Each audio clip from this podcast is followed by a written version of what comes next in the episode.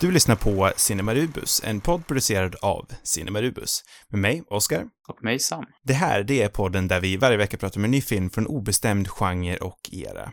Högt och lågt, brett och smalt. Det blir mycket historia, kuriosa och till sist ställer vi oss frågan, måste man verkligen se den här filmen innan man dör? Veckans film är Quentin Tarantinos Inglourious Bastards från 2009. Lite av en eh, modern klassiker. Mm, det måste man väl verkligen säga. I Sverige hade den premiär den 21 augusti samma år. Innan vi drar igång podden på riktigt så borde vi kanske nämna några snabba ord om att det här faktiskt är en eh, nylansering av våran gamla podd. Några av er känner säkert igen oss från den otroligt snarlika podden som hade namnet Radio Rubus. Innehållet är lika drastiskt ändrat, eller vad säger du? jo, exakt. Otroligt drastiskt. Som sagt kommer vi dock addera den här frågeställningen om man verkligen behöver se den här filmen innan man dör för att ge oss lite mer av en mening till varför vi ser den här filmen. Mm, ja, men det är bra. Det är bra. Vi kommer att eh, snacka mycket trivia och eh, såklart så kommer vi även snacka en hel del om filmen i sig. Mm. Men eh, nu känner jag att det är hög tid för oss att dra igång avsnittet på riktigt. Så Sam, vänligen berätta för mig vad handlar Inglourious Bastards om? My name is Lieutenant Aldo Ray. And I need me eight soldiers. We're gonna be dropped into France dressed as civilians. We're gonna be doing one thing, one thing only. Killing Nazis. Åh, oh, vad jag har längtat efter den här möjligheten. Om jag ska ta den så handlar det här om ett gäng eh, nazistmördare, kan vi väl kalla dem. Eller det är en specialstyrka bestående av amerikanska judar, tror jag, som blir inskickade i Tyskland under andra världskrigets senare del, antar jag. Och de är ledda av, av den charmige Tennessee-födde Aldo Rain, som spelas av Brad Pitt. Högst icke-judisk skulle jag tro. Ja, nej, han är inte, det, det, känns inte som det. Han nämns också, eller kallas också Apache efter Apache-indianerna. Det känns inte heller så, som någon judisk, eh, jag, vet, jag vet inte vad det är för koppling. Inte ja, heller. jag vet kanske faktiskt, för att jag har läst någonting om, att det finns någon legendarisk bergsklättrande person Mm, i USA. det säger han väl i filmen, att han är döpt efter honom. Ja, exakt. Och han, tror jag, om han giftes eller vad hade, fick barn med någon kanske Apache-kvinna möjligtvis. Ja, jag vet inte. Skitsamma. Det var långsökt. Har inte sett kanske jättemycket till handlingen att göra. Men eh, det, ja, det känns som att jag fick med handlingen där ändå, typ. Och deras, liksom, stora uppdrag är väl att eh, liksom få slut på kriget eh, genom att ta livet av, av Hitler och hans närmsta, tänker jag mig. Eller? Ja, det låter väl rimligt. Eh, I typisk Tarantino-style så är det ju även eh, liksom små sid-stories som också leder, alla sluts liksom samman i slutet. Men Mm. eh, det huvudsakliga målet ligger väl ändå hos Aldo och hans Inglourious Bastards. Det är också Ja. den, de filmen är, filmen är döpt efter, så. Exakt. Ja, men det är väl, det, det som är speciellt med den är väl att själva handlingen och idén känns ju väldigt äventyrsfilm. Och det är ju på många vis en äventyrsfilm, men den är ju absolut inte äventyrsfilm i den klassiska bemärkelsen eftersom den är väldigt så här segmenterad i, i olika kapitel som är ja, framförallt dialogdrivna, precis som hans andra filmer ofta brukar vara. Ja, alltså det, det är det jag slås lite av med den här filmen, att den känns... På, på sätt och vis så känns det som Tarantinos, en av Tarantinos kanske minst Tarantinoiga filmer. Mm. Eh, men samtidigt så är den ju också väldigt Tarantinoig. Ja, Eh, konstigt, konstigt förklarat, men eh, jag vet inte, den känns som ett mer traditionellt narrativ än man var van vid. Jo, egentligen. Men samtidigt så har den ju alla de här Tarantino-flärerna Ja, eh, som han brukar ha, men de är kanske också lite tillbakadragna. på, på sätt och vis. Det är en annan grej såklart, men det är lite, han har, det är här han på något sätt kanske också har hittat mer, för han har ändå gjort den här typen av filmer sen, sen den här filmen, som är mer liksom förankrade eller som bygger, eh, eller är inspirerade i alla fall av, av någonting som har skett. Nu är i och för sig inte varken Django eller Hateful Eight, den är väl mer fristående, men det är ändå att det är liksom en period piece, kan man väl säga. Mm. Jag, jag, jag tänkte faktiskt komma in på det lite senare, men vi kan ta det redan nu. Det här känns ju verkligen som, det här är starten på, på den andra halvan av Tarantinos karriär, för den här filmen, precis som du sa, känns väldigt enhetlig med, eh, in- med eh, Hateful Eight och Django och Once upon a time. Mm. För mig, medan de andra känns lite mer, ja men lite mer grindhouseiga, lite mer inspirerade av det som har kommit tidigare. och de här senare filmerna känns egna. Alltså det, det känns som att Tarantino verkligen växte in i sig själv här på den andra halvan av karriären. Jag vet inte om jag håller med om det, men det är åtminstone en annan typ av... Alltså alla hans filmer vilar ju i så mycket liksom i inspiration från, från gamla filmer. Det är bara att Mm. han har bytt lite genre här tycker jag. Alltså att han har liksom gått in mer i den här klassiska eh, Hollywood, stora Hollywoodfilmen lite grann och inspirerats mer av, av den typen av filmer senare än vad han gjorde med sina första som kanske var, grundade sig huvudsakligen mer i i Grindhouse och eh, ja, allt vad det nu är. Liksom Blaxploitation och så vidare.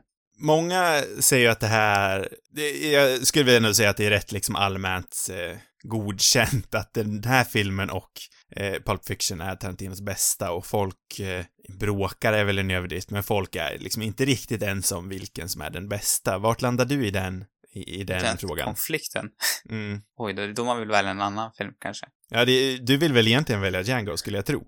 Nej, alltså egentligen, det här är ju min favorit av, av alla hans filmer egentligen. Eh, Mm. Och kanske framförallt den jag tycker är bäst. Men jag, jag vet inte om jag riktigt vill jämföra den med Pulp Fiction heller, för det är en så pass annorlunda typ av film, liksom. Mm, verkligen. det, den har ju den här liksom charmen, den här tidiga charmen som, och, som är liksom mer grundad i, i, i ja, en annan sorts av, typ av film kan man väl säga och där också han hittar liksom jag vet inte, det är en helt annan typ av film. Det här är ju liksom en riktigt stor, jävligt snygg film som liksom lirar mer i hos den stora Hollywood, den klassiska liksom Hollywood-blockbustern kan man väl nästan säga. Mm. Så jag tycker inte de är riktigt jämförbara. Eller alltså jag vill liksom helst inte ställa dem mot varandra. De har olika sidor, men, men det som, alltså det som gör dem till de två starkaste är väl att både den här och Pulp Fiction, eller alla hans filmer har ju otroligt bra dialog liksom, men de här känns, jag tycker de är så otroligt tajta de här filmerna och om,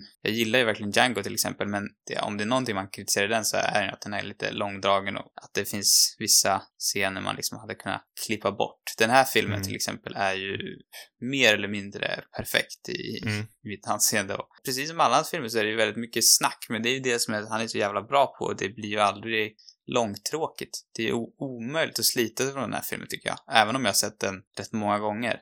Eh, och det känns alltid som att man ser nya grejer eh, som man inte sett förut. Och alla de här skådisarna också. Jag menar, det, eh, Pulp Fiction har ju också en otrolig mängd bra karaktärer. Men den här är nästan, toppar ju nästan, alltså de har ju olika charmer såklart, men tycker alla skådespelare i den här filmen också gör otroliga prestationer. Det har vi pratat lite om utanför podden här nu, men eh, den här filmen har ju också en mängd skådespelare som kanske inte var kända då, men har blivit kända nu. Mm. Och så var det ju inte riktigt i Pulp Fiction. Där var de flesta väldigt kända när, de, när den filmen begav sig. Det han gjorde där var väl ganska mycket att ta tillbaka, eh, kanske inte alla, men eh, okej, det kanske är framförallt eh, John Travolta som han liksom tog tillbaka till, till rampljuset.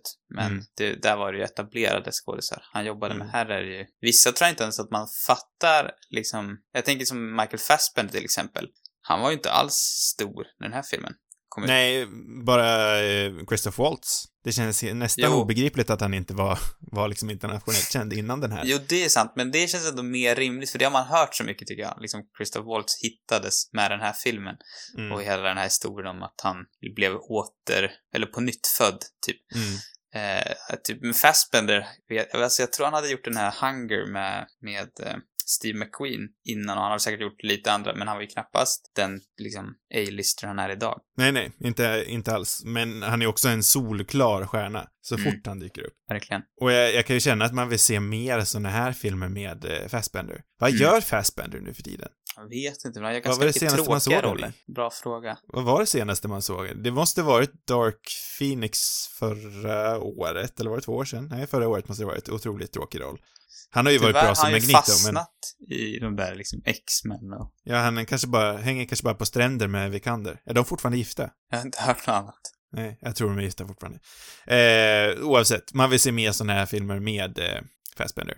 Det var också någonting jag läste om att Fassbender hade tydligen, eh, när han blev rollsatt så hade han tydligen lagt in en liten fråga om, om det var möjligt att han kunde få spela eh, Hans Landa. Mm, just det.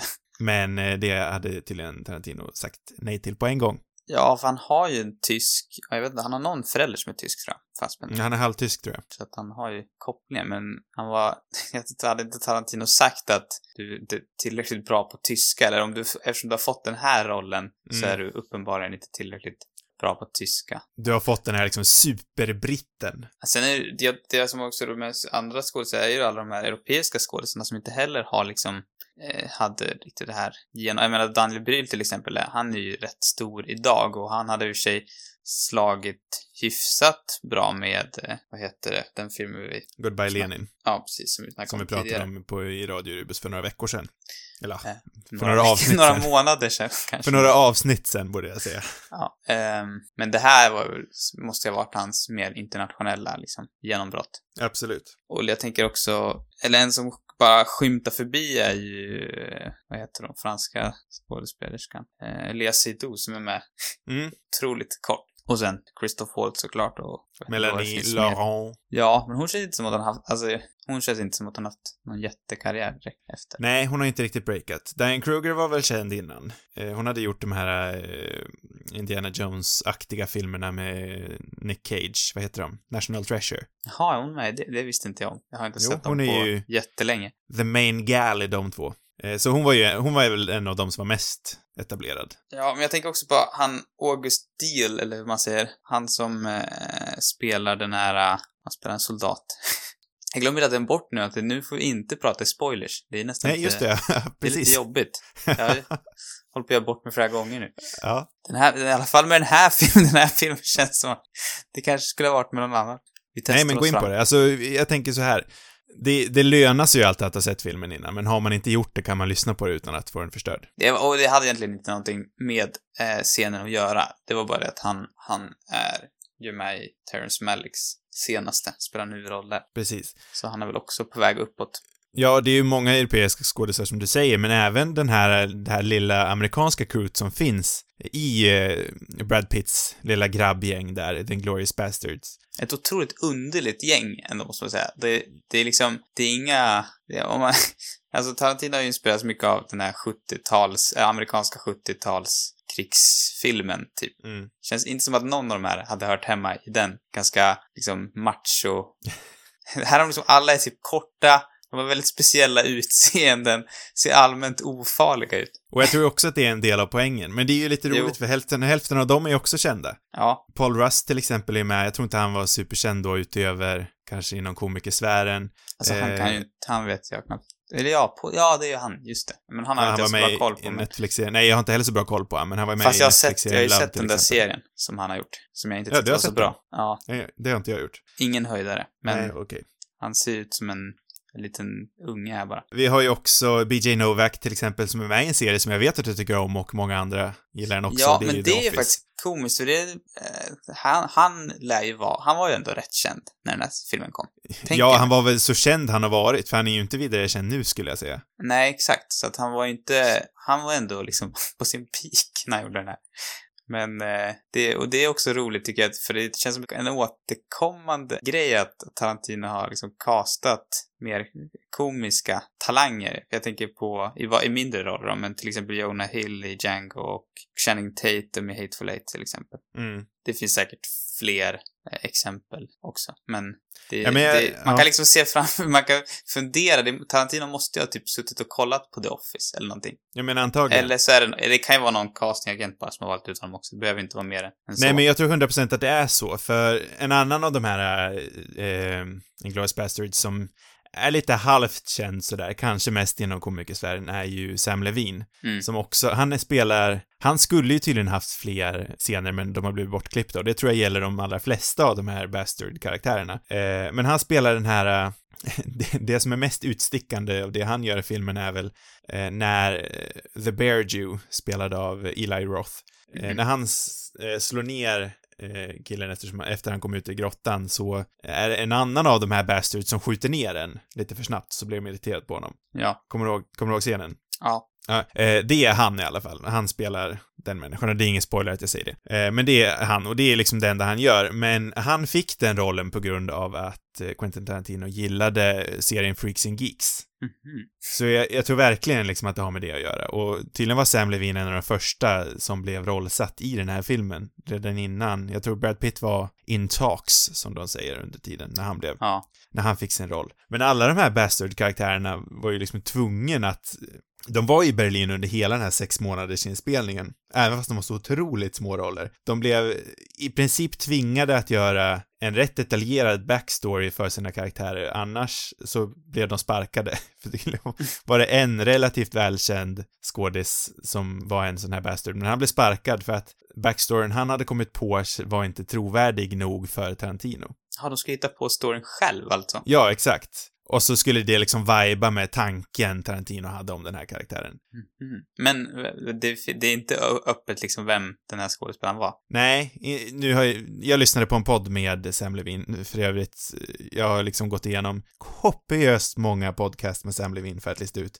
Jag hade hört en podd för, alltså närmare tio år sedan, då han gick Ja. igenom hur det var att spela in den här filmen och jag minns det så otroligt väl för jag tyckte det var väldigt intressant. Mm. Och om man vet vem Sam Levin är så har man ju antagligen också koll på att han har varit med i väldigt många podd, poddar och gästat otroligt mycket.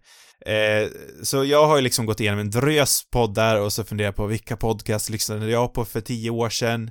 Ja, det var för tio år sedan du hade hört det här. nej, jag, tror, jag tror det var typ 2013, 2014 kanske, så inte riktigt tio år sedan, men Ja, men det, år det är ändå. ändå väldigt... Jag, jag fick för mig att det var liksom... Du hade hört det för någon vecka sedan bara. Nej, nej, nej, nej, det här var länge, Nej, nej. länge sedan. Nej, nej, nej. Eh, och när jag väl listade ut att det här var Schmo Snow-podden, eh, som, eh, den existerar inte ens mer i poddformat, i någon RSS-feed som jag kan hitta i alla fall.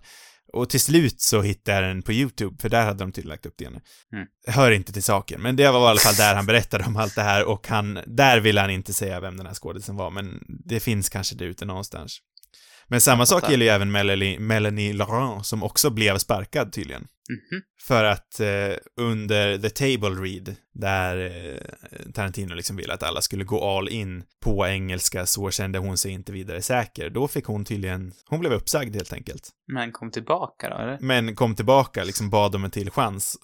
Under ti- Tarantino var liksom fullt i att leta nya skådisar som kunde eh, fylla den här rollen, men då var han ändå, han var barmhärtig, tyrannen, och gav, och gav Det är tillbaka så rollen. Intressant det där. Eh, Han verkar ha, det verkar vara en tyrann, eh, eh, vad heter det? En tyrann, en tyrannisk sätt han har. Ja, men han är så upp och ner, man hör så mycket olika röster, för man hör ju ofta när man har lyssnat på intervjuer med, med Waltz att han snackar om att Tarantino var en sån otrolig, liksom blygsam och tystlåten gentleman under hans första eh, casting, eller när han hade sin audition. Mm.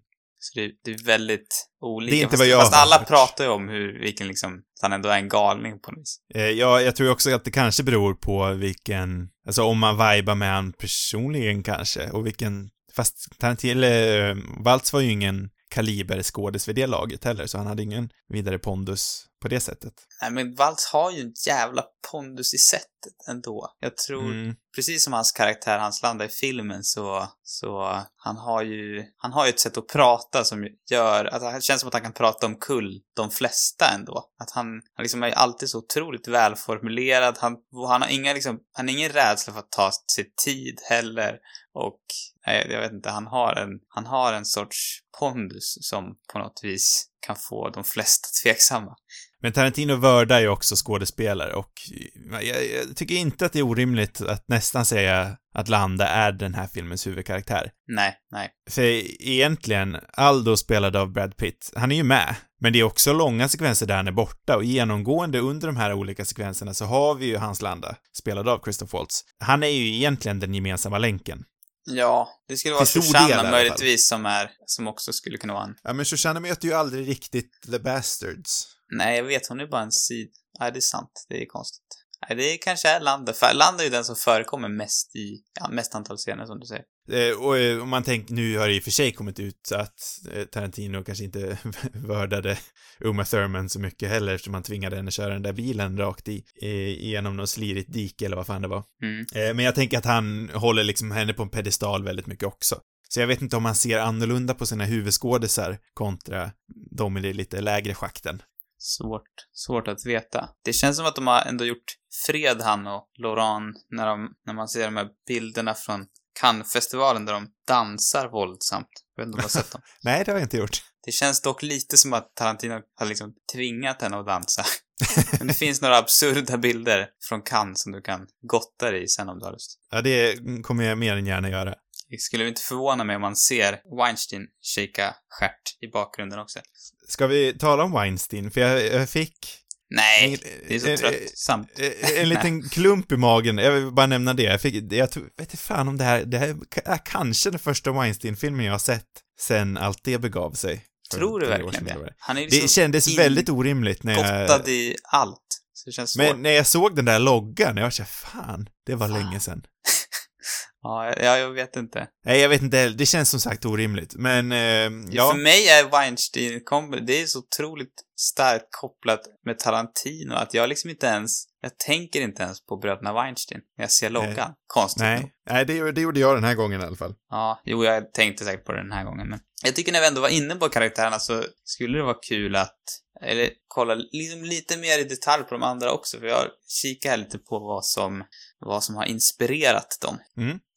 Eh, det väl lite, det var lite synd då, det var lite bristande, eller vissa fanns det väldigt liksom mycket på och andra var det inte så mycket på. Eller för jag visste att, att Tarantino eh, hade jobbat mycket, eller han jobbar säkert ofta, att han liksom ger, här får du en bunt filmer, och det är det många andra regissörer som också gör såklart, men, men här får du en bunt filmer, de här ska du se. Det här, den, den här karaktären ska det vara. Eller Mm. någonting. Tyvärr har jag inte lyckats hitta på alla de här skådisarna, vilket jag var lite besviken på. Det finns på vissa. Ja, det var ju framförallt en artikel på Los Angeles Times som jag läste om, där han berättar om sina olika bastard influencers, och då var det ju först och främst det det var det här, jag nämnde för dig igår att jag hade en, en väldigt långsökt, eh, en långsökt, eh, vad sa jag, funny fact. Ja. Och den är faktiskt eh, relaterad till Michael Fassbenders karaktär Archie Hicox, som tydligen är väldigt inspirerad av, och det här, nu är det liksom, det här är rätt nördigt, ingenting som jag är vidare insatt i, men en gammal brittisk skådespelare som heter George Sanders. Känner du till honom? Eh, nej. Nej, inte jag heller kan jag avslöja. Men han spelade The Saint i de, i de gamla så här The Saint-filmer som Jaha. Ja. uppenbarligen eh, Tarantino har sett jävligt mycket av, kan jag tänka mig. Det är, jag är inte förvånad. Nej, typ 50-talet ska jag gissa det. Ja. Jo, men Och då han- vet jag nog vem det är. Ja, men han har, har liksom ett väldigt så här uh, woody manner som Tarantino säger. Mm. Eh, och som, ja, det, det kan man ju verkligen se Fassbender försöka eh, liksom, ja, lira med. Mm. Och eh, han spelade faktiskt rösten till, jag kanske ska berätta också varför jag kom på det här, men det var för att du skickade med någon, något klipp med Djungelboken. Precis. Och eh, Vilken lattjo liten pryl. Ja, exakt. Ja, det var inte relaterat till, det, den scenen Nej, då. okej. Men... Det var det jag förväntade mig. Jag, Ja, nej, jag väntade med spänning. Hur får du ihop. Djungelboken och Inglourious Bastards? Ja, men jag får ändå ihop det, för att Okej, ja. han spelade faktiskt rösten till Shere Khan i, Mm. i den engelska, eller amerikanska versionen. Mm. Och han har ju också en ganska, eller efter, jo men han är ju, han går ju till och med som så här, lite Woody, gör han inte det? Ja, det gör den kanske. Ja, det kanske du inte håller med. Det var en lång, den var långsökt i alla fall, men det var, jag bara, jag kunde inte låta bli att nämna det nu när vi, när jag ändå hade, när jag såg det sammanträffandet där. Ja, nej, du fick ihop det någorlunda i alla fall. Någorlunda. En annan som Ja. också var inspirerad, eh, jag vet inte exakt, jag har inte sett någon av hans filmer, men det fanns ju en, en, eh, en av de tydliga karaktärerna som vi inte har pratat så mycket om är ju Fredrik Soller, som spelas av, av Daniel Bryl, som är den Mm. här tyske soldaten som har suttit i något torn och dödat en massa amerikaner och engelsmän, eller fransmän kanske. Och det är en av de centrala delarna i filmen är den här eh, premiären av propagandafilmen som handlar om hans, eh, ja, hans stora åstadkomst. Och eh, där han liksom spelar sig själv då. Och detta var i fallet med en amerikansk skådespelare som heter Audie Murphy som också spelade sig själv i amerikanska propagandafilmer. Så inspirationen, sen vet inte jag hur mycket de liknar varandra i, i manér och sådär. Men just det här med propagandafilmer och eh, skådespelare, eller vet du, soldat som spelade sig själv var ju, är någonting som faktiskt fanns på riktigt. Ja, det kan vi också nämna. Det är ju kanske lite mer välkänt, men att den här propagandafilmen som syns i filmen faktiskt är regisserad av Eli Roth. som spelar The Bear Jew som vi nämnde lite tidigare. Just det, jag visste faktiskt inte om att det var Eli Roth som gjorde det. Ja, nej. Det hade, eller jag kanske har hört det förut, men det hade jag glömt. Han har är väl blivit en mer etablerad regissör sen den här filmen också? Eller hade han gjort? Alltså, han har väl kanske blivit lite smått mer respekterad. Ja, han är ju inte så stor nu heller.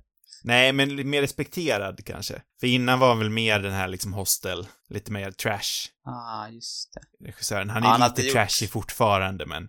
Han hade gjort några, han hade gjort några, jag tror tänkte att han kanske inte hade gjort några features tidigare. Jo, men det hade han Det absolut. hade han gjort. Mm, jag fattar.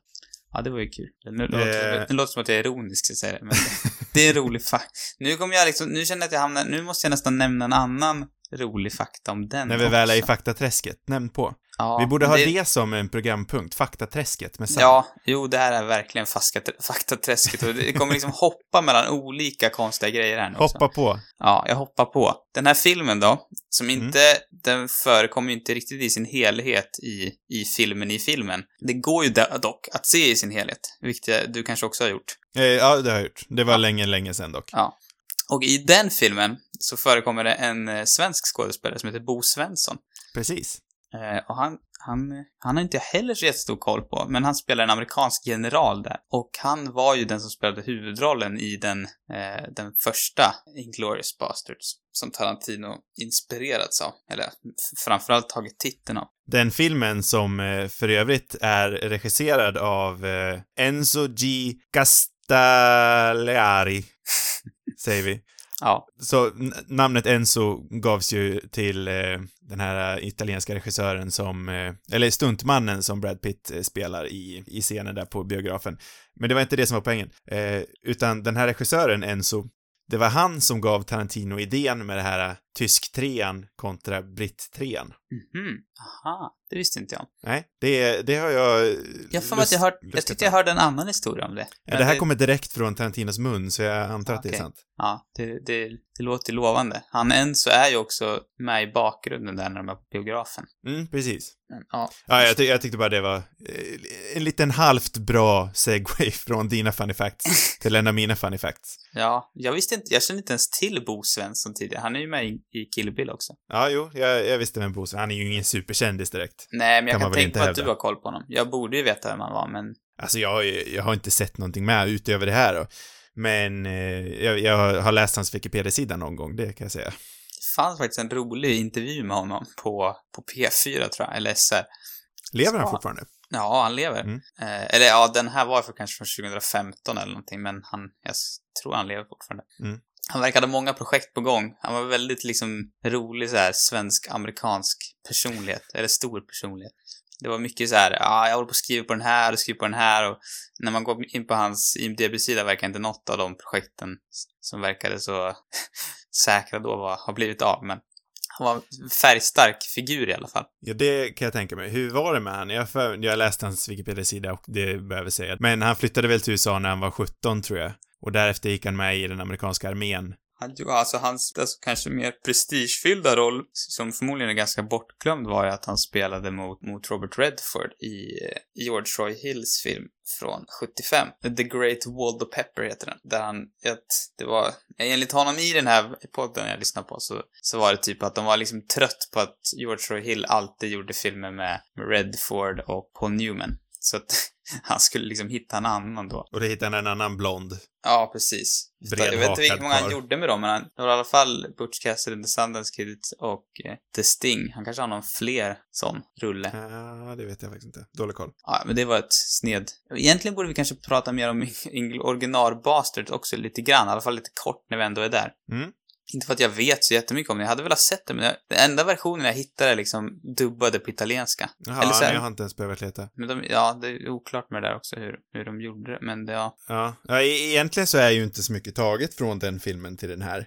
Nej. Eh, Utöver namnet. Tanken var väl först att han, ja, i den här filmen skrev han ju redan 98. Det var väl tanken som hans uppföljare till Pulp Fiction, tror jag, redan då. Mm. Då var det väl några liksom inspirationskällor från originalfilmen som var där. Eh, men ju längre åren gick så försvann väl de scenerna. Den, de två scenerna som är kvar är väl de här från början, med Hans Landa. Då han introduceras. Ja, från, från hans originalskript. Precis. Eh, men Tarantino köpte ju oavsett, han verkar ändå rätt liksom, han gillar ju sitt klassiska Hollywood, så han hade ju köpt rättigheterna till hela filmen bara för att han, han nämnde det i den här podden jag lyssnade ja, så får de lite pengar eh, och ifall att jag skulle vilja använda någonting därifrån. Han hade bara kunnat betalt för namnet om jag förstod det rätt, men han valde att betala för alla rättigheter. Det konstiga är dock att han har ändrat stavningen på Bastards också, med en Mm. Så han hade ju inte ens behövt göra det komplicerar saken hela tiden. Ja, så eftersom han gjorde det. så hade han väl antagligen inte ens behövt köpa rättigheterna. Nej. Men som jag fattade så var den här filmen är liksom en av hans absoluta favoriter. Eh, just för att han, eller det var liksom en grej mellan hans kompisar. nej, Att, att, eller grejen med att varför han gillar den här filmen så mycket som, som jag förstod det var att han liksom hade hittat den och det var typ ingen annan som kände till den här så han fick alltid när han Mm. liksom skulle berätta om den så visade han den för folk så han hade en väldigt personlig koppling till, till den här filmen och jag tror mycket där i att han liksom brukade säga också att en, en vacker dag ska jag göra min Inglourious Basterds. Ja, han gillar ju att styla Tarantino, det kan man ju inte Nej, ta ifrån honom. det, Han gillar ju, alltså, inte. jag tror aldrig, jag tror, jag tror, det är få regissörer som liksom gillar att kalla sig själv för autörer. ja, så, så icke blygsamt. Ja, eh, tanken var väl eh, också rätt välkänt i och för sig, men eh, tanken var ju att egentligen ville han ju göra en miniserie av det här eftersom eh, hela projektet under de här tio åren han skrev hade blivit så bisarrt långt. Originalidén var väl att eh, det skulle följa ett gäng eh, afroamerikanska soldater plus eh, Shoshana då som vid den tidpunkten var mer lik The Bride från Kill Bill, men de elementen gav han ju sedan till The Bride i Kill Bill. Så då var han tvungen att ändra på Shoshana. Mm. Men anledningen varför han inte gjorde det till en miniserie var ju för att eh, vid det laget så var det ju tydligen ingen som hade gjort någonting autoristiskt med TV. Och det, så det var ju därför han egentligen ville göra en miniserie, men vid det laget var inte TV så respekterat som det är idag. Nej, Idag så hade han gjort det, säger han. Ja det är så. Mm. Jag tänkte, fick också lite känslan av att han, att någon, en av, eller ja, charmen var kanske att han skulle vara liksom den första, fast i och för sig, det kanske han skulle vara fortfarande idag, en av dem, eller ja, i och för sig, jag vet inte om man kan räkna, men han, menade just att han skulle regissera, eller skriva allt, regissera allt. I tv-världen är det. Alltså jag tror att i Amerika så är det väl inte vidare vanligt, men jag tror i Europa så är det väl inte alltför ovanligt. I Sverige har det ju hänt några gånger. Ja, det, är det. Eh, Men i USA, eh, där antar jag att han har rätt. Han har väl rätt bra koll. Men eh, det... Fincher var väl nära, men han regisserar ju inte alls alla avsnitt. Men Vem? Jag tänker Finchers Mindhunter känns på väg dit, men han regisserade ju bara typ två, Jo, tre avsnitt per säsong, så Ja. det var ändå inte riktigt. En annan stark anledning, nu är vi liksom på funny fact-tåget, vi kommer aldrig riktigt ur det här. Men en annan av anledningarna till varför, eh, alltså spiken i kistan till varför det verkligen blev en film var ju när han och Luc Besson var ute på middag på någon restaurang. Och där hade han sagt Tarantino liksom att jag är så taggad på att göra en miniserie, det här, det här kommer bli bra. Vad tror du Luc? Men då hade ju Luc sagt Tarantino, du är anledningen... Nej, jag ska inte göra det. Eh, Tarantino, du... du, du, du är liksom... Han gör en väldigt bra imitation i den, i den intervjun dock. Jaha, du har också hört den här. Han har kanske berättat den Ja. här storyn flera gånger. Det här är gammal. Den här är gammal. Ja, då han berättar, ja, i, i den här podden sa han i alla fall samma historia. Då sa han ju det att du är en av få anledningar till varför, till varför jag ens vill gå på bio nu mer. Såklart att det här ska vara en film. Mm, just Och det var väl antagligen spiken i kistan till varför. Det är så roligt med alla de här intervjuerna tycker jag att det, det är som att alla upprepar... När man har sett för många så börjar man liksom känna den här historien, det är bara samma om och om igen. Men jag kände ändå med den här podden att, eh, som jag lyssnar på, bör kanske sägas, The Q&A med Jeff Goldsmith pratar jag om jätteofta. Superbra podd. Eh, han får ju ut rätt originella svar för det mesta, men han går kanske en del på Ja. autopilot ändå, Tarantino. Jo, men jag, jag har lyssnat på den också, så det var säkert där jag hörde. Mm. Det är bara att jag inte minns, minns av alla intervjuer vilken det var. Jag förstår, jag förstår. Han är, jag, jag har också känslan av att han är lite som George Lucas, Tarantino, att han, han, eh, han ändrar svaren lite för att få sig själv att låta så bra som möjligt. Ja, för Ju det längre du åren går, att, desto mer förskönade blir historierna. Ja, det där med det här tre fingrar grej, men det kanske var en så som jag också hade hört, men ja. Ja, där, där så, jag ser inte varför han skulle ändra på det, eller varför han skulle försköna det på något vis, men där sa han i alla fall att det var Enzo som. Han Ja, det är vill hylla en så kanske ännu mer. Ja, kanske, kanske. Det känns som att han då gillar det. Vilken sorts trea gör du?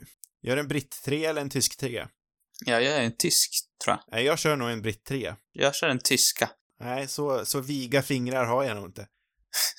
Känner ändå att jag kan säga det med stolthet med efter den här, det är ändå den tyska casten som briljerar mest, tycker jag. Jo, men så är det. Även om Christoph Waltz räknas som österrikare, gissar jag. Vi, vi räknar den som en tysk. Ja, det kanske han blir ledsen. Ja, kanske. Jag tror inte tyskar och österrikare är så, så goda kamrater allt. Nej, tydligen så... Eh, eh, Kommer det ännu mer funny facts nu? Ja, nu kommer det ännu. Jag försökte knyta, jag tänkte att nu kanske jag kan... Ja, förlåt. Eh, Vi skiter i fun facts. Knyt. Ja, men det kan, den här kanske är jättebra, så jag vill gärna höra den ändå. Nej, den var ju rätt så trist egentligen. Det var bara det att eh, tydligen så var det väldigt få som fick träffa Waltz under inspelningen. Under den här table readen, då så många blev sparkade, så hade han bett, han hade, jo det var ju så det var, han hade bett allihopa att liksom köra på 110% och eftersom Laurent inte kunde ge det så blev hon sparkad. Men han hade också bett Waltz att bara ge 5% så att han sen skulle chockera allihopa under inspelningen och få en genuin reaktion av rädsla när scenen väl Men det var ändå en, det var ändå en ganska bra fact, tycker jag. Ja, vad bra, tack. Den var bättre än någon annan, vad det nu Tack, var. tack. Den får kanske en fyra av fem till och Ja, med. det var rätt bra. Ja, Ja, ganska bra. ta oss ut eh, faktaträsket. Ja, eller det här är fakta allting, men, men jag, det, jag skulle försöka vara där och hitta vad de hade inspirerats av. De här olika karaktärerna. Och egentligen så blev jag besviken för att Hans Landa har inte riktigt lyckats hitta något. Det enda är väl att han liksom, det hintar en hel del till Sherlock Holmes till exempel med den här pipan och att han vill, att han är detektiv och så Mm. vidare. Men det var inte så här att jag har inte hittat något exempel vad Tarantino har sagt. Ah, du ska kolla på den där Sherlock Holmes-filmen från 1946, för där, där har vi den rätta. Det vet jag inte. Eh, det var inte med i den här artikeln heller tyvärr. Men en av de kanske mer viktiga för tiden, liksom karaktärerna som jag ändå tycker knyter an till, till filmhistorien, det är väl Bridget von Hammersmark. Som inte, inte är en liksom riktig skådis, men som, som ändå inspirerats mycket av, av en riktig skådis. Ska vi förklara lite vem det är? Vem eh, Bridget är? Ja. Ja, det är Diane Krugers karaktär. Den tyska skådespelerskan.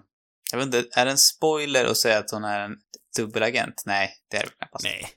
Nej, det tror jag inte. Det vet man väl från början. Det är inte direkt en... Ja, nej, det är ingen, nej, nej, nej. Ja. Den, den tyska skådespelerskan som är en dubbelagent. Mm. Hon, hon är inspirerad av, en, av en, en, en ungersk skådespelare som heter Iona Massey, som var lite av en Marlena Dietrich-kopia, kan man väl säga. Mm, mm. Och hon, hon kom ju liksom till, till Hollywood sen och, och eh, precis som, som många andra, andra gjorde på den här tiden, eller många judiska eh, filmskapare i Tyskland så hamnade de i, i Hollywood så småningom. Just på grund av klimatet. Och eh, eh, så att, att Tarantino hade liksom en hel sån historia genomtänkt här, liksom varför och hur, vad, vilka filmer hon skulle ha varit med i. och det var nå- någonting om att, att hon var liksom lite, ville inte bara åka till Hollywood och göra vad som helst. Hon hade någon sorts stolthet kvar ändå, så för att hon, hon var rädd att hon skulle hamna i liksom så här skitfilmer bara. Mm, Vilket hände den här ungerska Marlena Dietrich-kopian. jag förstår. Men det finns ju också mycket där Dietrich, eh, jag vet inte, det är egentligen inte så mycket liknelse till henne kanske, men hon är i alla fall en väldigt känd tysk skådespelerska från den här tiden. Mm. Som lämnade Tyskland och sen, ja, blev enorm i USA och, gjorde, och dessutom åkte på olika, hon åkte runt och underhöll trupper, eller brittiska amerikanska trupper under andra världskriget också. Det kan ju vara ett helt annat avsnitt som handlar om henne. Ja, det låter det verkligen som. Men när vi väl är, vi kanske borde gå in lite mer på någon scen också, för det finns ju så otroligt många bra, om vi ska försöka lämna faktaträsket lite grann. Det är ju,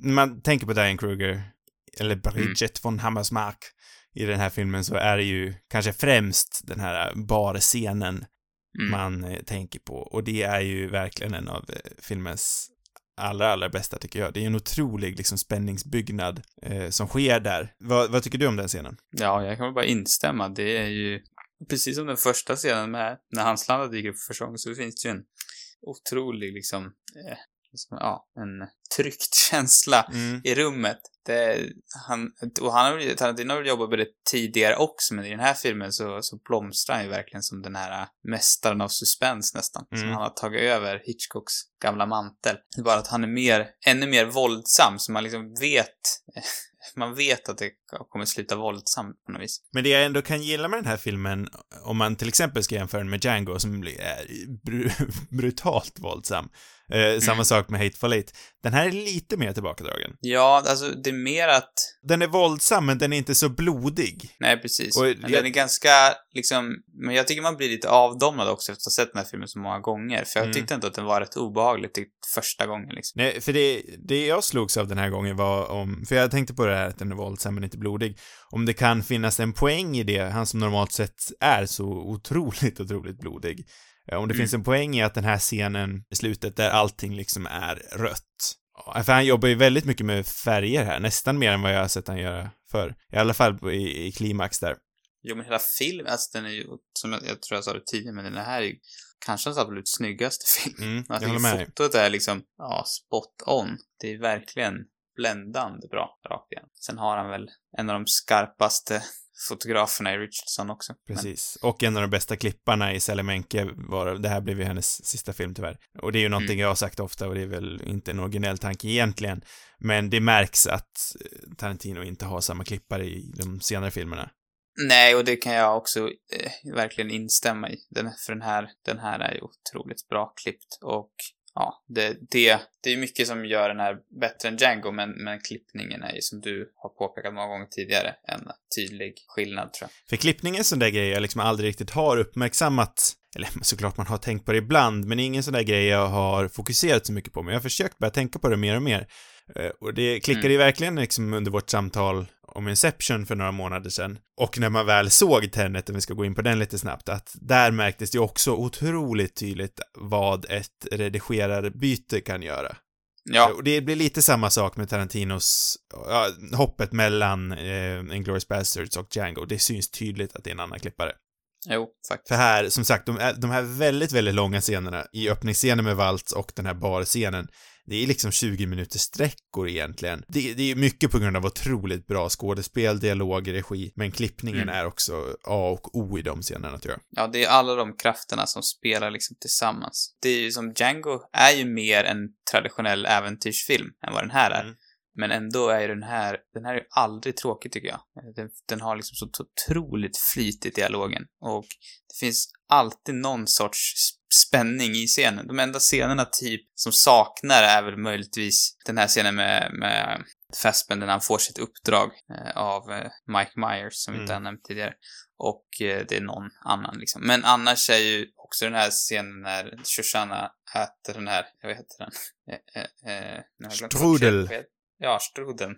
Med att träffa Landa igen. Det är ju också mästerlig scen. Det är verkligen kombinationen av, av allt det där tror jag spelar stor roll. Nu ser jag, jag var helt dösäker på eh, den här rösten i slutet, som jag var helt dösäker på var Michael Madsen. Jag ser att det är Harvey Keitel nu, som spelar någon slags amerikansk officer i en radio i slutet. Ja, just det. Jag hörde bara liksom en hes, raspig, lite äldre röst, så då tänkte jag men såklart att det är Michael Madsen, men det var det inte. Jag har nog läst det, men jag glömde att tänka på det nu när jag såg den. Eh, är det någonting vi Ja. inte har nämnt? Jag har ju Alltså, läst... det finns mycket här. Jag, alltså en grej som jag tycker ändå är viktigt att lyfta, och det är det säkert många andra som har lyft också, men jag tycker betydelsen av det är eh, enorm i den här filmen. Och det är ju just att, att, att, liksom, att alla skådespelare pratar sitt riktiga språk. Mm, man ska säga. Tarantino verkligen har vågat här, för att, eller det, jag tycker det är otroligt vågat från honom, att han är liksom en, han är ju otroligt skicklig på att skriva dialog, jag tror mycket ligger i att han på något vis, menar, han har verkligen en stil i hur, hur karaktärer pratar med varandra, att, att när man verkligen är så pass stark på det, våga skriva en film där han liksom blandar tyska, italienska, franska. Det är otroligt vågat och otroligt effektfullt, för det finns nästan ingen annan så här pass stor Hollywoodfilm som faktiskt gör det nej. att låta de här skådespelarna som- är europeiska prata på, på sina riktiga språk med varandra ju filmen som i och för sig är liksom en, ja, en falsk av verkligheten eller av historien men, men det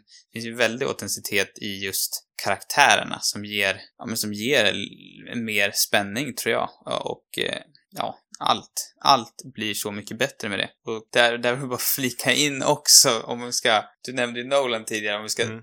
liksom dissa Tenet lite till så, så tycker jag att det är konstigt att Nolan som alltid är så otroligt noga med att allt ska vara så äkta och, och riktigt och han ska liksom krascha alla flygplan och det ska, allt ska vara gjort på riktigt men han kan inte hitta en riktig ryss som spelar Brannas karaktär. Nej. så, och, och här kan man ju verkligen se fördelen med att, med att ha, ha alla de här skådisarna. För jag, jag tror, alltså Hans Landa eller eh, Daniel Bryls Fredrik Soller hade ju Mm. aldrig fungerat om det hade varit en amerikan. Nej, och särskilt om det liksom hade gått igenom, jag vet inte om det stämmer, jag tror det var på IMDB jag läste det, så det är inte ens något, ja. Eh, där står det, jag för mig att det står i alla fall att eh, någon originaltanke var att DiCaprio skulle spela Landa. Mm. Och det, då hade det blivit det där du pratar om, då hade det verkligen blivit Kenneth Branagh som ryss. Nej, men jag tror inte det var, jag tror aldrig att det var tänkt så. Jag tror det var tänkt att han skulle spela Brad Pitts karaktär. Ja, var det så det var? Mm. Men jag Eller också, det, här är någonting jag någonstans. har dragit ur någon gång för länge sedan. Att eh, Tarantino ville spela Aldo-rollen själv från början. Mm. Jag vet inte, jag, det var jättelänge sedan jag hörde det, jag vet inte vart jag fått det ifrån, men Jo, men jag tror de, det var någon intervju jag såg med, eh, med när Brad Pitt också var med, tror jag. Jag vet inte om det var ett skämt riktigt eller hur. Jag är osäker. ja. Men det, jag tror lite det ligger i att Tarantino själv kommer ju från Tennessee precis som Aldo, så Mm, Han- mm rippar nog väldigt mycket också på någonting som, som Tarantino är väldigt bekant med. Och han har väl andra liksom karaktärer som också kommer från södern i sina tidigare filmer. Så att jag tror det är en ganska så personlig koppling där, eller inspiration. Så det är väl möjligtvis att han har tänkt när han, för han gjorde ju ändå lite, jag vet inte, känns ändå långt att han skulle gå så långt att han skulle spela en av huvudrollerna i en film. Men han Mm. skådespelade ju ändå en hel del tidigare, i sin, alltså kring 98 när han skrev originalmanuset. Ja, ja, men då, precis, då spelade den ju i andra filmer också. Så helt omöjligt är det ju inte. Nej, men jag är glad att det inte hände, om jag säger så. Och jag är också glad att DiCaprio inte är hans landa, även om det är sant eller inte. Nej. Så har vi också den här, eh, man kan klassa den här filmen, och det har ju Tarantino varit inne på en del nu, det här med, eh, kontrafaktisk historieskrivning, så, som det heter så fint. Eller en sån här Mm. what if-historia, alternativ historia. Eh, för det är både den här filmen och eh, Once upon a time in Hollywood, Ja. där Tarantino liksom går in och ändrar vad som hände då med hjälp av filmmediet. Eh, och det här alternativhistorien, det när man går omkring och läser lite, jag har bland annat läst eh, bara ett kortare kapitel i eh, Studying History, en bok av Jeremy Black och Donald eh, McRailed. Där skriver de bland annat, vilket känns helt rimligt, att eh, så här kontrafaktisk historieskrivning blir ju egentligen bara spännande eftersom man vet vad som hände i verkligheten. Eh, så det är lite intressant med det. Jag, jag gillar ju verkligen såna här kontrafaktiska historieskrivningar. Jag tycker det är otroligt spännande. Ja, det är absolut. Det beror liksom lite på vad det är för historia också, tycker jag. Det kan ju vara lite respektlöst i vissa fall. Många tyckte ju att Once upon a time var respektlöst. Det känns som att många tyckte det innan de hade, eller det var mer, alltså de, de, som, de flesta som sa det var det väl ändå när de hörde vad den skulle handla om utan att de hade sett den. Mm. Sen finns det väl säkert de som tycker det var respektlöst ändå. Det finns definitivt många som tycker den här filmen är, är respektlös också kan jag tänka mig. Det här gänget med judiska specialsoldater som... Ja, för det fanns ju uppenbarligen, eller det fanns ju folk på, eller judar som hade flytt Hitlers Tyskland ja, men under andra världskriget som också stred i kriget och gjorde liknande grejer men som kanske inte vill förknippas med det här bestialiska skalperandet och så vidare. Det som jag tycker är så härligt med den här filmen är ju att det är ju en stor komedi också. Det finns ju hela tiden en glimt i ögat. Så Mm. att om man liksom upprörs av den här så får man ju skylla sig själv tycker jag lite. Mm.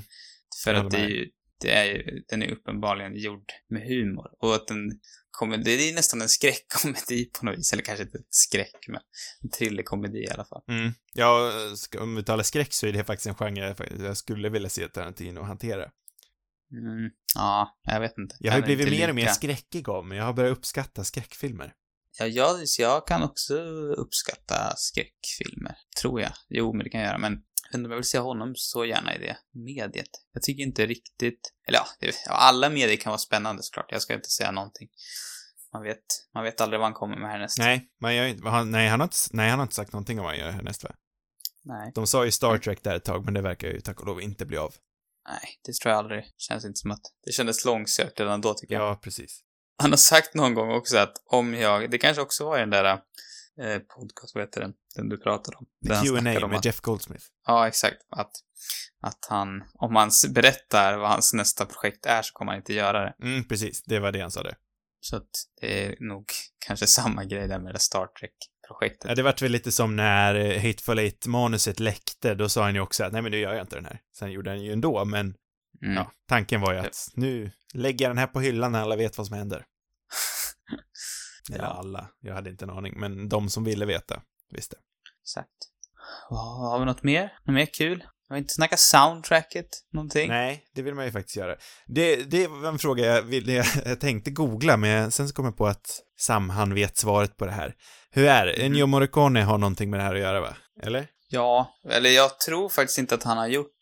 Jag tror nog att, att all musik i den här filmen är gammal musik det, var det, det var det jag hade känn, hade på känn, Ja. men jag vart osäker. Han har, jag tror att, jag tror inte att det är någonting som är nytt. Inte vad jag vet, utan han har plockat en hel del från Ennio Morricones bakåtkatalog kan man väl Mm. säga. Ganska mycket från, från de filmer han har inspirerats av, men han ja, mycket liksom 70-tals krigsfilmer, men även eh, när det gäller Morricone så är det ju såklart mycket gamla westernfilmer också. Och dessutom kanske den pampigaste Bowie needle droppet eh, någonsin.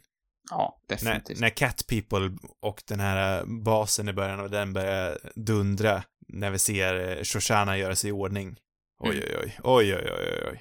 Det jag funderar är liksom vad, eh, var den stor innan den här filmen eller har den blivit det efter? Nej, jag tänkte på det också, jag vet faktiskt inte. För mig är det liksom ofattbart om den filmen, om den låten inte var en dunderhit, men jag kan också se om det inte var, var det.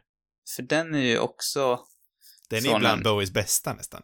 ja, men den är ju den är också från en film. Är den från filmen Cat People, eller?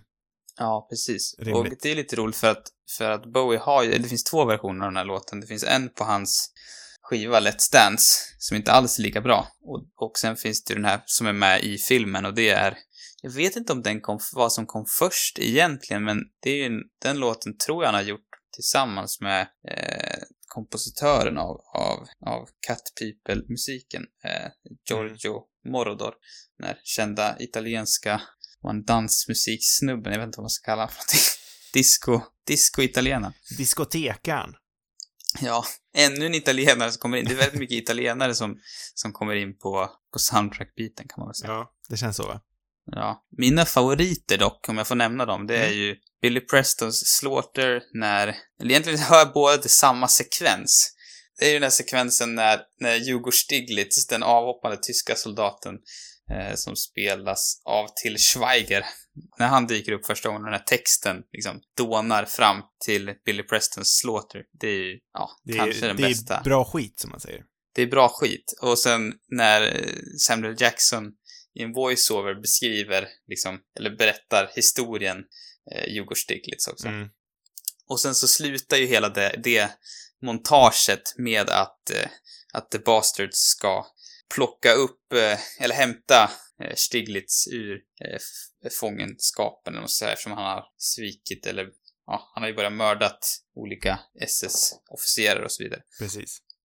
Och då traskar de ju in till, till en låt från den här, eh, som är faktiskt från den rätt kända The Battle of Algiers från 1966. Jag vet inte om du kommer ihåg den, hur den går. det är Nej, någon jag sån kommer här marsch, typ. Nej, jag kommer inte ihåg det här. Ja, men den där dun dun dun dun dun dun dun dun dun dun Ja, dun ja, dun. mm. Ja, den, det, alltså det är ju hur bra som helst tycker jag. ja, det är bra. Och så kommer alla de där roliga snubbarna in liksom, intraskandes. Eh, De här små ja, spinkiga. Ja, precis. Och den har jag ju plockat då från, från introt faktiskt i, i Battle of Algiers. Vilket är Ja. kanske en film vi borde snacka om någon gång i framtiden. Det hade varit spännande. Det är ju lite mera, det är ju eh, mer seriös krigsfilm än, än de filmer som jag tänker mig att filmen, eller som Inglourious Basterds är inspirerad av. Det känns inte riktigt som den. Eh, nej, det eh, tror jag inte heller. Eh, Om vi ska, om vi ska- en sista musikgrej är också den Ja. här första scenen som dessutom är tagen från, eller tagen men väldigt inspirerad från Den gode, den onde, den fule. Det är också där, det är till tonen av Morricone, den är också inspirerad. Mm. Ja, det, det, det är bra. Musikhörnan med Sam, det känns också som att det är en programpunkt som skulle kunna dyka upp igen. Som skulle, ja. Nu börjar vi väl närma oss kanske slutet på avsnittet och den återkommande, eller den som kommer att bli, den som ska bli den återkommande punkten.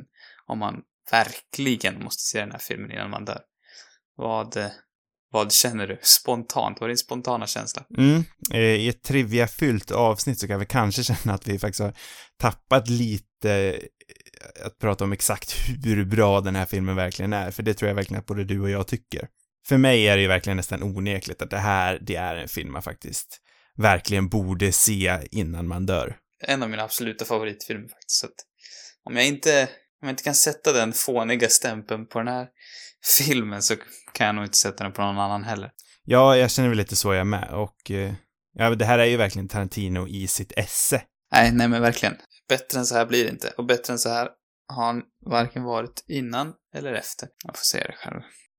Det här känns ju även som en passande tidpunkt för oss att eh, börja diskutera den nya programpunkten som vi kommer ha lite när det passar, nämligen besläktade rekommendationer. Eh, vi kommer alltså att eh, diskutera ett, eh, ofta ett medieverk som vi anser ha liknande tematik eller liknande handling till den filmen vi pratar om just den veckan. Alltså den här veckan, Inglourious Basterds. Det är något som är besläktat, eller bara liksom väcker tanken. Någon sort, det kan vara väldigt långsökt, tänker jag. Exakt. Och då har jag valt att vi ska, eller att jag ska rekommendera HBO-serien The Plot Against America som kom ut i våras. Vad spännande. Det är en serie som jag eh, faktiskt tyckte försvann lite granna i mediebruset som eh, låg stort över hela världen med pandemin och eh, högervindar som sveper in längs med hela världen.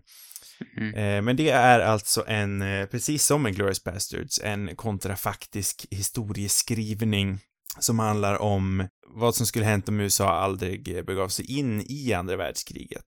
Mm. Vad hände om eh, den svensk-ättade Charles Lindbergh istället vann Amerikavalet och blev president?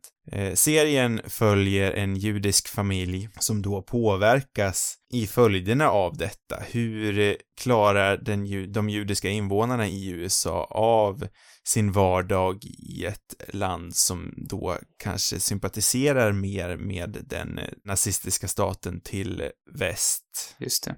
till öst blir det i och för sig. Mm. I denna serie finns det en eh, drös superspännande skådisar, bland dem Winona Ryder, John Turturro, Zoe Kazan, eh, inte minst Zoe Kazan som jag tycker är eh, jättebra skådespelare. Serien är ju dessutom skapad av Ed Burns och David Simon som kanske främst är känd som en av skaparna bakom The Wire, en av de här serierna som jag aldrig har sett men som alla kallar för en av de bästa någonsin. Så eh, den borde man kanske se någon gång, särskilt med tanke på hur mycket jag faktiskt älskade hans nya serie, The Plot Against America. Alltså min rekommendation den här veckan. Mm. Mm, ja, den har inte jag sett. Den känns som lite mer på det seriösa spektet än, än Bastards, men det är ju verkligen intressant det där med, med det här kontra... Vad, vad, vad heter det? Ja, Kontrafaktisk historieskrivning heter det så fint, eller alternativhistoria som man eh, kanske kallar det för i folkmun. kon, ja, jag känner inte till det begreppet faktiskt. Det har jag lärt mig ett nytt begrepp idag faktiskt. Jag tycker bara att det är så himla spännande att se vad som händer om man skulle ändrat en sån liten detalj tillbaka i historien. Ja, Eller ja, en liten detalj är det väl kanske inte, men vad skulle ha hänt om den här presidenten inte vann valet till exempel? Hur pass mycket kommer historien påverkas av detta? Och att se detta i fiktion är ju någonting jag verkligen eh, uppskattar. man kommer ju också gärna stå och tänka på, när vi ändå är på liksom nazistspåret, finns det ju den här, nu har inte jag sett den, men vad heter det, The Man in the High Castle? Mm, precis. Den har jag dock inte sett. Nej, men det är verkligen också samma, samma tema. Mm, eh, och idag särskilt då när USA drivs av både fascister och nazister, om man nu får kalla dem det, så är det väl extra passande att faktiskt kolla på serier som antingen The Plot Against America eller The Man in the High Castle som du eh, pratar om. Nästa vecka är ju faktiskt, det är min tur att välja film helt enkelt. Mm. Och jag har ju tänkt att vi ska välja lite av en musikrulle. Det är inte så Mm. ofta, har vi sett någon musikal i den här podden? Eller nu blir det tekniskt sett en ny podd, men i våra tidigare hundra avsnitt. Jag tror inte det va? Jag vet faktiskt inte. Jag tror inte vi har sett en musikal. Men tanken är ju nu att vi ska se på en musikal, för jag har nämligen Oh, planerat spännande. att... Nu vill man ju nästan gissa. Kan du ge Ja, mig gissa. ledtrådar? Jaha. Ge mig en Eh, svår. En svår. En svår ledtråd, oj, oj, oj. Eh, det är inte så svårt, men eh, det är musik eh, som jag eh, vet att du uppskattar. Lite 70-tal. Mm. Det är inte showtunes liksom. Det här är mer av en jukebox-musikal. Oj, nu var det, Det- svårt. det är Aha, 80-tal. aha, va? Det är, det är 80-tal filmen kommer från. Ja, det här? Nej, vad heter det? Nej, det är, det är rediga 80-talskomiker av rang. Klassiska. Det hade kunnat varit här, för den är från 79. Ja, nej, nej, nej. Nej, nej. Det är Aj, lite aj. mer showtune, eller ja, lite mer rockigt är det väl, men ändå lite mer showtunigt. Det här är liksom en jukebox-musikal som sagt, där det är tagna låtar från andra artister och de här artisterna medverkar även i den här filmen. Ja, nu, nu, nu, nu Blues Brothers. Precis. Ah, spännande. Det, Vad säger den har jag det? faktiskt aldrig sett.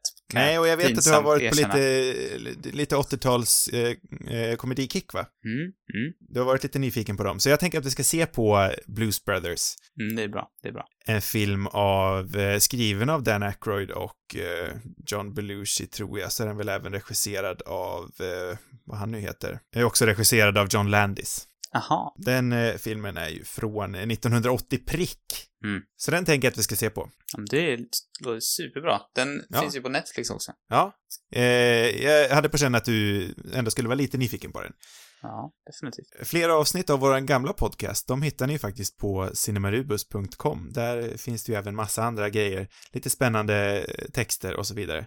Andra texter av mig finns ju för övrigt numera också på Moviescene om ni är sugna på att läsa dem. Just nu håller jag på att skriva en serie av eftersnack om eh, HBO-serien Lovecraft Country.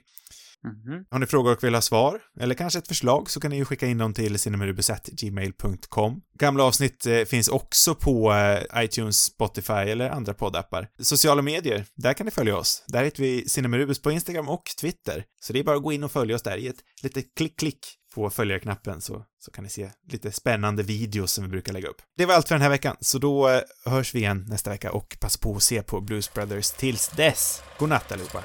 God natt.